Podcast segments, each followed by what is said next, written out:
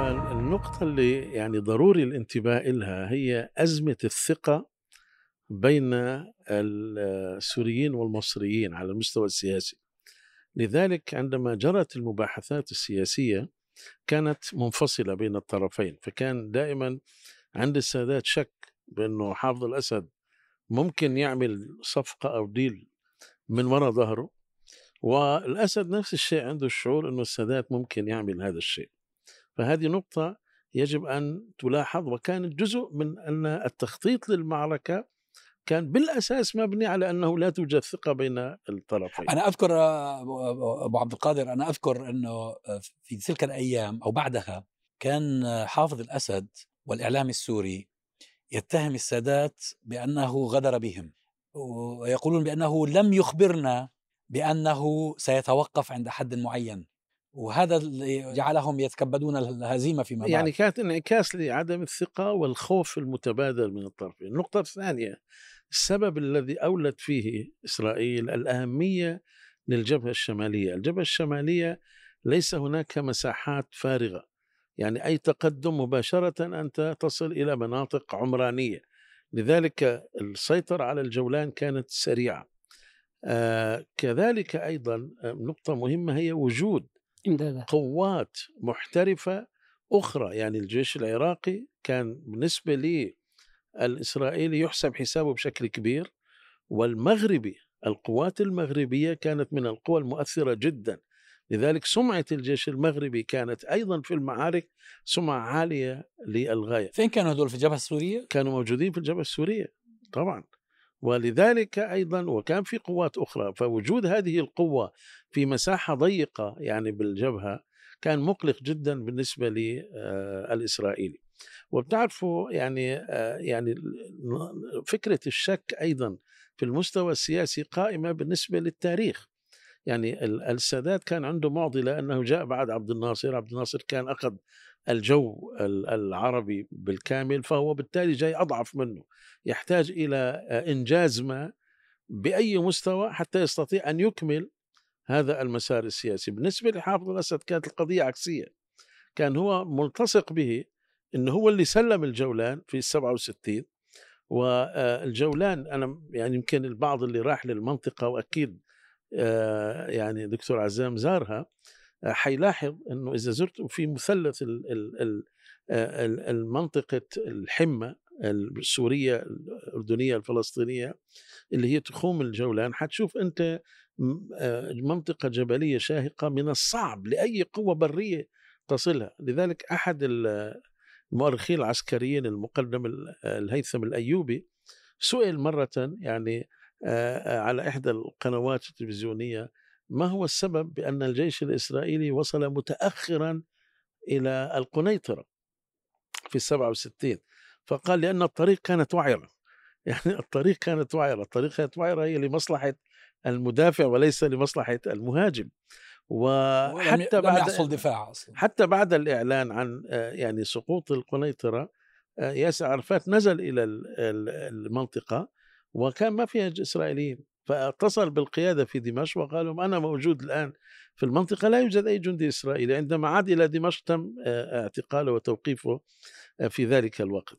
لكن هذه القضية كانت ضاغطة جدا بالنسبة لحافظ الأسد ولا يمكن أن تساعده لا على لقاء الأمريكي ولا على أن يخطو أي خطوة في اتجاه هدنة أو وقف إطلاق نار أو يعني لاحقا حتى مفاوضات مع الإسرائيليين يعني ملاحظين؟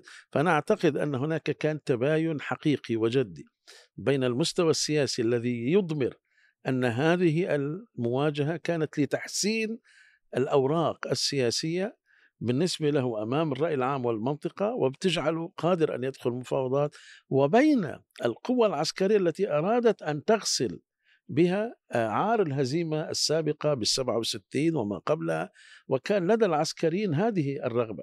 المشكلة تكمن ليست فقط بأن حدث أن حشود عسكرية بقوات الاحتياط لكن أنت أرسلت جيش ووصل إلى بحيرة الطبرية أنت لم توفر له أي غطاء جوي وبالتالي من الطبيعي كان أن ينكسر.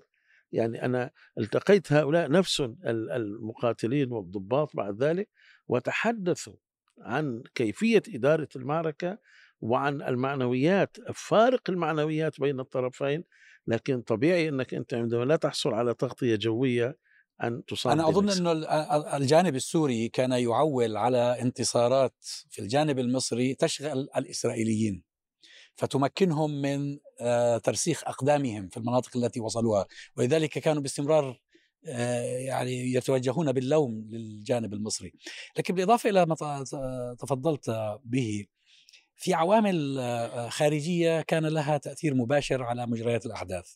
وهذه يذكرها هنري كيسنجر في تصريحاته المتكررة ووردت أيضا في فيلم جولدا سلطوا الضوء عليها. وهي أن الولايات المتحدة الأمريكية كإدارة سياسية كان عندها أزمة. كان في مشكلة ووترجيت الرئيس نيكسون كان آه، مشغول آه، جدا بها. كانت عين الأمريكان على ما يمكن أن يحققه أو لا يحققه الروس لأنه هذا كان في أوج آه، الحرب الباردة. وكان هنري كيسنجر لديه معلومات بأن السادات يرغب في تحقيق صفقة أو في الدخول في عملية تفاوضية مع مع الإسرائيليين. يعني هنري كيسنجر لعب دور مركزي في في الموضوع كله.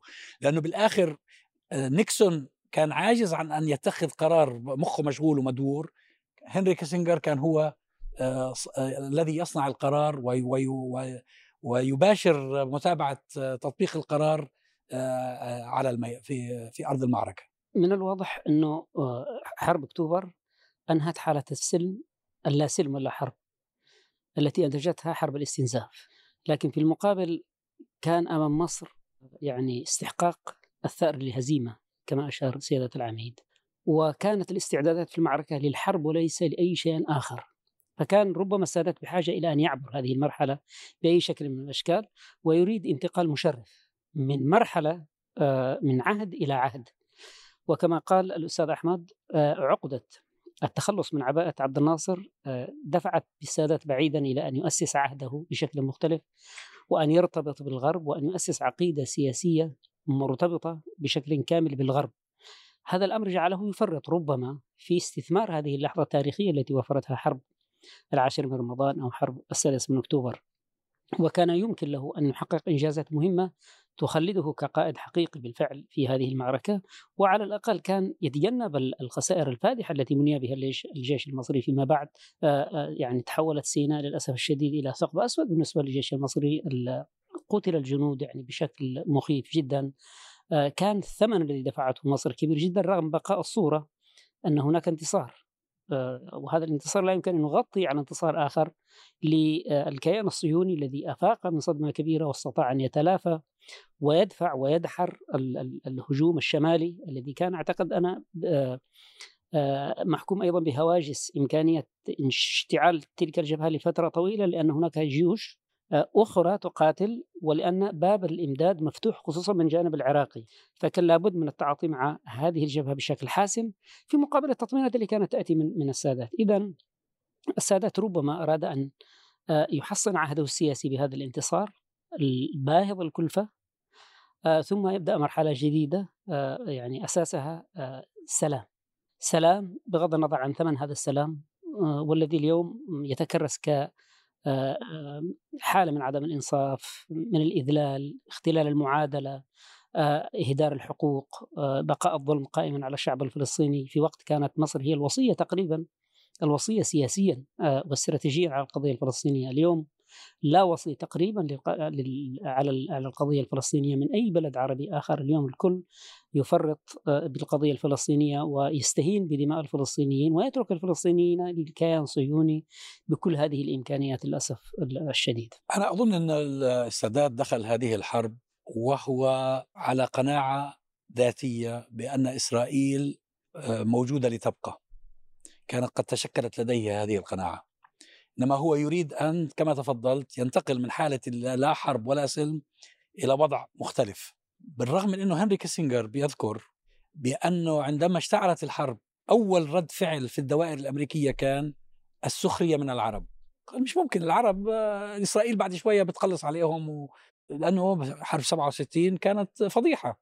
فكانوا يتوقعون أن يحصل شيء آه، مشابه.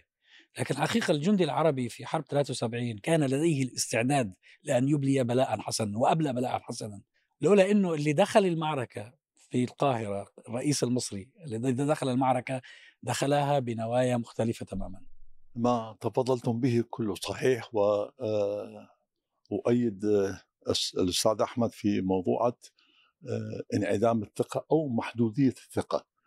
وهذا ينطبق أيضا على محدودية أو انعدام الثقة بالكامل ما بين القيادة العراقية التي من اليوم الثاني حركت آه، القوات العراقية باتجاه الجبهة السورية وبين القيادة السورية. نحن نعرف يعني هناك مشاكل آه، كبيرة منذ عام 1962 عندما حدث الانفصال بالنسبة للجمهورية العربية المتحدة. هناك ما بين آه، جناح يميني جناح يساري جناح آه، ميشيل عفلق وصلاح البيطار وآخرين. ولكن قد أكون متأكدا 99% من قادتي الذين قادوا الألوية والفرق في في حرب تشرين. أنه تجمع على الأرض السورية ما لا يقل كمجموع عن أربع فرق آه، عراقية. الفرقة المدرعة الثالثة التي أتشرف أنني آه، عملت فيها آه، سبع سنوات تقريبا يعني كمجموع. الفرقة المدرعة السادسة إذا فرقتان مدرعتان. فرقة المشاة الآلي أو الميكانيكي الأولى والفرقة الثانية الجبلية والفرقة الرابعة الجبلية ناقصا بعض الألوية بحيث يصبح المجموع أربع فرق. هذه الأربع فرق بتطور المواقف في منطقة آه، تل شعار وتل مدري إيش يعني على كل آه، يعني ما بين القنيطرة نسميها هكذا وبين دمشق.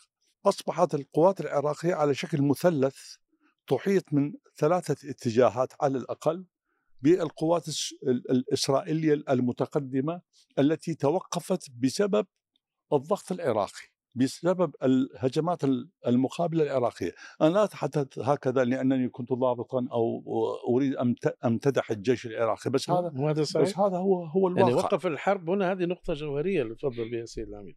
إضافة إلى أنه العراق أرسل اعتبارا من اليوم الثاني آه، سربان من طائرات الميك 21 المقاتلة وسربان من طائرات السوخوي آه، سبعة هجوم أرضي أي قاصف خفيفة يعني بالمفهوم العام.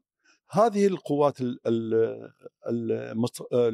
العراقية كانت متهيئة على أساس أنه فجر يوم 21 أو 22 ما ضبط التاريخ لو تسمحون يعني.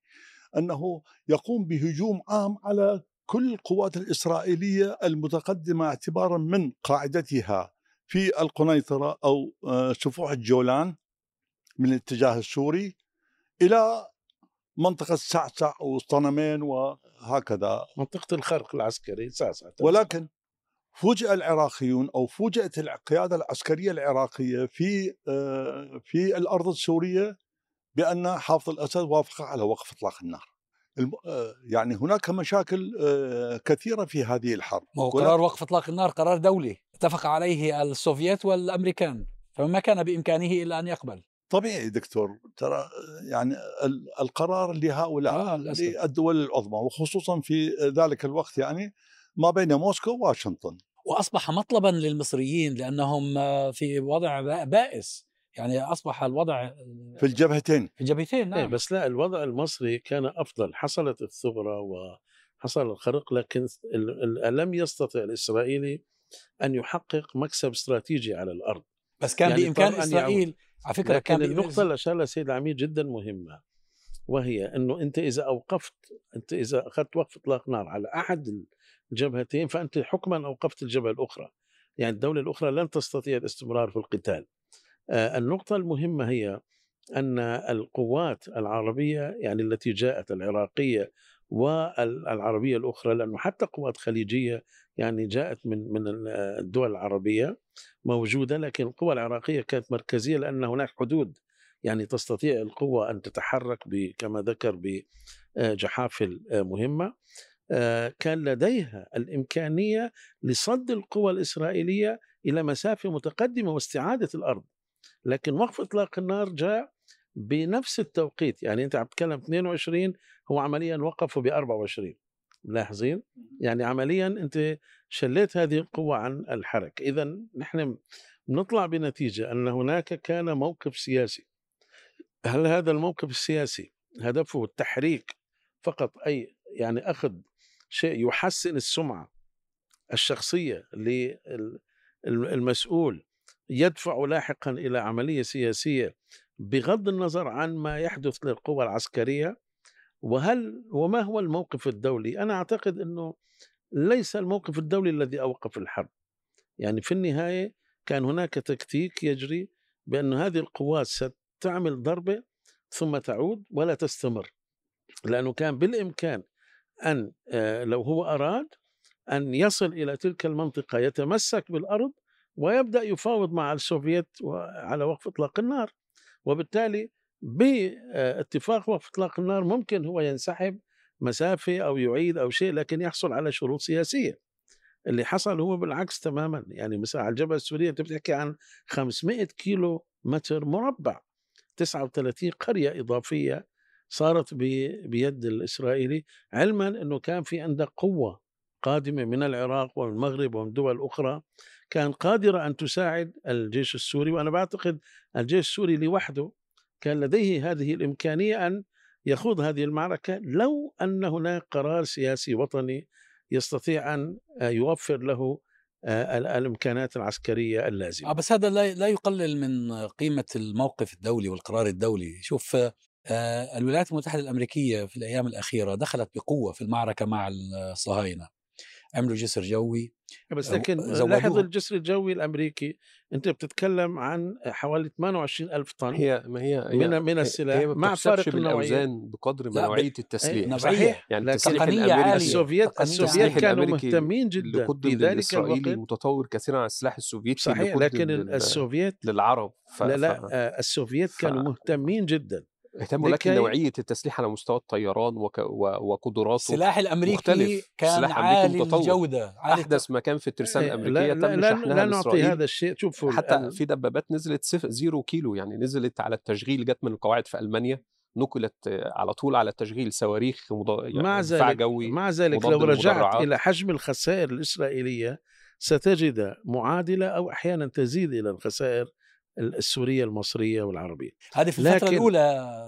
لا لا حتى بالمجمل. لكن أنا أقول شيء. يعني أيضا لا تنسى أن هناك عامل المعنويات والإرادة كان فرق هائل جدا بين الطرفين فيها.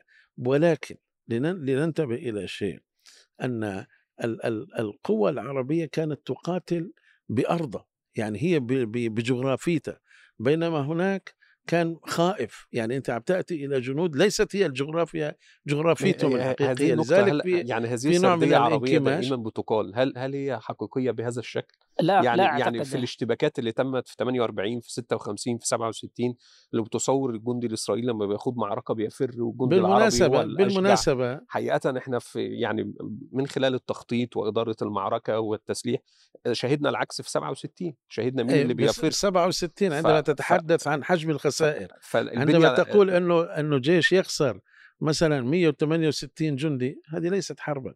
نعم يعني لكن ليست حربا. يعني إذا هي في النهاية عن أمريكا لما إسرائيل التي قاتلت على ثلاث جبهات فأقصد إن الجندي الإسرائيلي إن هو بيخاف ومعنوياته ضعيفة يعني على على العكس الصهاينة الصهاينة كانوا يقاتلون آه، من أجل وجودهم. ودي نقطة مهمة حقيقة. الخسائر البشرية لا يمكن لأنهم لو خسروا لانتهوا انتهوا دي, دي, دي نقطة حقيقة. يعني حقيقة أحب أن ألفت لي انتباه. يعني نتنياهو تحدث عنها الفرق بين جولان وسيناء في المنظور الإسرائيلي. هو بيتحدث أن الجولان كجغرافيا سياسية هي نقطة خطيرة. من يسيطر على هضبة الجولان لا توجد موانع طبيعية أمامه في شمال فلسطين. يستطيع أن يكتسح ويسيطر على منطقة واسعة جدا من شمال فلسطين. بينما هم سيطروا على سيناء لإقامة عازل جغرافي بينها وبين مصر. لذلك هو قال أن إعطاء سيناء في مفاوضات سلام للمصريين مقابل ضمانات دولية وخلو سيناء من القوى الأساسية للجيش المصري هذا يحقق الهدف الذي من أجله شنت حرب 67 فلتعد سيناء للمصريين طالما لن يتواجدوا على الحدود وكي ينقلوا يعني قوات من من ال- يعني غرب قناة السويس إلى سيناء في أي مواجهات ستحتاج وقت. فلذلك سيناء هي عازل جغرافي. أما هضبه الجولان زج نتنياهو يقول لن نفرط فيها وضغطوا على ترامب وطلب من ترامب الاعتراف بالسيادة ال- واعترف. الأمريكية على السيادة الإسرائيلية على- الجولان لأنه يقول الجولان لن هو نتنياهو يؤكد لن نعطيها السوريين ولن نمنحها لهم تحت أي ظرف لأن هذا يعني تهديد آه، حقيقي وجد لشمال فلسطين مهما كان الاتفاق. أما سيناء لا يوجد منها أي خطر من الجيش المصري هي ما زالت تؤدي الدور الذي من أجله سيطرنا عليها في 67 تحقق بتركها المصريين وانتزاع مصر من دائرة الصراع بما اتاح الاستفراد بالعرب فهذا مكسب هو آه، اتفاق كبير السلام اتفاق السلام مع مصر. هو آه، ثم ارجاع سيناء مقابله يعني ثمن زهيد يعتبر. صحيح. لكن أنا عاوز أعود لقضية ال- شوف بداية الحرب غير نهاية الحرب.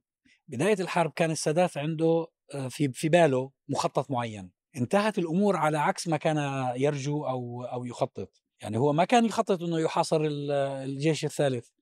لما حوصر الجيش الثالث أصبح في مأزق شديد جدا. الجيش الثالث كان بإمكان إسرائيل أن تهلكه لو أرادت. تدخلوا الأمريكان. تصور مثلا منع مش واصلهم مية ولا واصلهم أغذية. هنري كيسنجر قال لجول لجولدا مائير لابد أن تسمحي بدخول المساعدات الإنسانية إلى أن تحصل المفاوضات. يعني معنى آخر انقلب السحر على الساحر. هو كان يريد امرا في نهاية المطاف صار أمر آخر فصار توقيع اتفاق س- سلام أو وقف أو هدنة مع الإسرائيليين مطلب مصري أكثر منه مطلب آه، من أي جهة أخرى بسبب المأزق الذي وصل إليه. أيضا في الجانب السوري أنا أعتقد إنه حافظ الأسد كان معني بإنقاذ الحكم الأقلوي وهذه هي الجائزه السياسية التي حصل عليها من حرب 67 آه، لا أستطيع أن أشكك في نوايا حافظ الأسد في آه، تحرير الجولان. لكن الخطوات السياسية التي رافقت المعركة مع توفر كل الإمكانيات لاستعاده هذه المنطقة تشير إلى أن أولوياته الأقلوية كانت أيضا تتوازى مع اولويه السادات في تأسيس حكم فردي مختلف مرتبط بالغرب في في في في مصر. هو ف- حكم فردي هو في, في الطرفين حكم فردي لكن حافظ ومستبد الأسد هو بتعرف متهم أساسا بأنه هو الذي سلم نعم. الجولان يعني نعم. ليس ليست لديه نية بالمناسبة يعني نحن لازم نجمع كل المؤشرات لحتى نقرأ النوايا. يعني آه، أنت لو ذهبت الآن إلى الحدود المشتركة ستشاهد الآن انه ال- الإسرائيلي في الحدود الجولان المحتل مع ال- الجانب السوري مرتاح جدا. يعني على المسافة صفر. ممكن متر متر ونص. تشوف إسرائيلي عم بتجول وبيزرع وعامل مسمكة وعامل كل شيء. على الجانب الأردني رغم فيه الآن معاهده سلام الإسرائيلي لا، قلق جدا يقدم خدمات طبية كان ويخشى، في, في شايف؟ أيام الثورة السورية في بداية آه،. الآن مثلا آه، لا توجد مقاومة شعبية آه، في الجولان لأنها محظورة محظور أيضا دعم لو أن الآن آه، سوري شاب سوري أو فلسطيني عبر من سوريا إلى الجولان الإسرائيلي ماذا يعمل؟ يقوم بتسليمه عبر قوات الأمم المتحدة إلى الجانب السوري ويسجن مدى الحياة. لو أنه عبر من ال- بالضفه بالأردن فيحاكم في في إسرائيل ويعتقل لفترة ثم يعني حسب الحكم. لا يعاد إلى الأردن يحاكم ويسجن في في إسرائيل. بينما في الجانب السوري يعاد إلى الجانب السوري انه سيبقى في السجن مدى الحياة وهذا هذا حصل. باستثناء النائب هذا اللي رجعوه للأردنيين وقالوا لهم حكموا عندكم. نعم. لا لا. إيه. لكن الفكرة هي إنه آه، تهمت هذه الأنظمة أنها جزء من هذه المعادلة تضع إشارة استفهام كبيره حول نواياها فهل هذه الحرب كانت لتحرير الأرض أم لتحريك العملية السياسية؟ من الواضح جدا أنها لتحريك العملية السياسية لأن كل هذه الأطراف عندما سنحت الفرصة ليس فقط في 79 يعني آه، 77 ثم 79 عندما وقع السادات السادات يعني دفش عربيا دفع عربيا إلى أنه يروح بهذا الاتجاه لأنه منعت عليه المساعدات بشكل كبير آه، جدا. لكن عندما حصل لا بس هو المتغير أخذ الاتجاه هذا قبل أن تمنع عنه المساعدات. نعم في ال- يعني في هو ال- كان في عنده ال- توجه الخبراء وتسعين. السوفيت في 72 في ال 91 عندما حصلت ال- الحرب على ال- العراق وثم آه، بدأ مؤتمر مدريد وجدنا أن العالم العربي يتحرك باتجاه العملية التفاوضية بالكامل دون اعتراض من من أحد بعيدا عن الضجيج اللي ممكن يصيره البعض يعني فيه فأنا أعتقد أن هذا مسار كان مطلوبا. عمل عسكري ما يغير هذه المعادلة ويجعل الناس على قناعة أنه ممكن نحن ندخلها ليس من واقع أننا منكسرين أو مهزومين وإنما من واقع أننا فعلا يعني حققنا انتصار ونحن. سلام ويجب أن ننظر إلى الإعلام كيف كان يصور يعني هذه الحروب ويحتفي بها بهذا الشكل اللي كان موجود.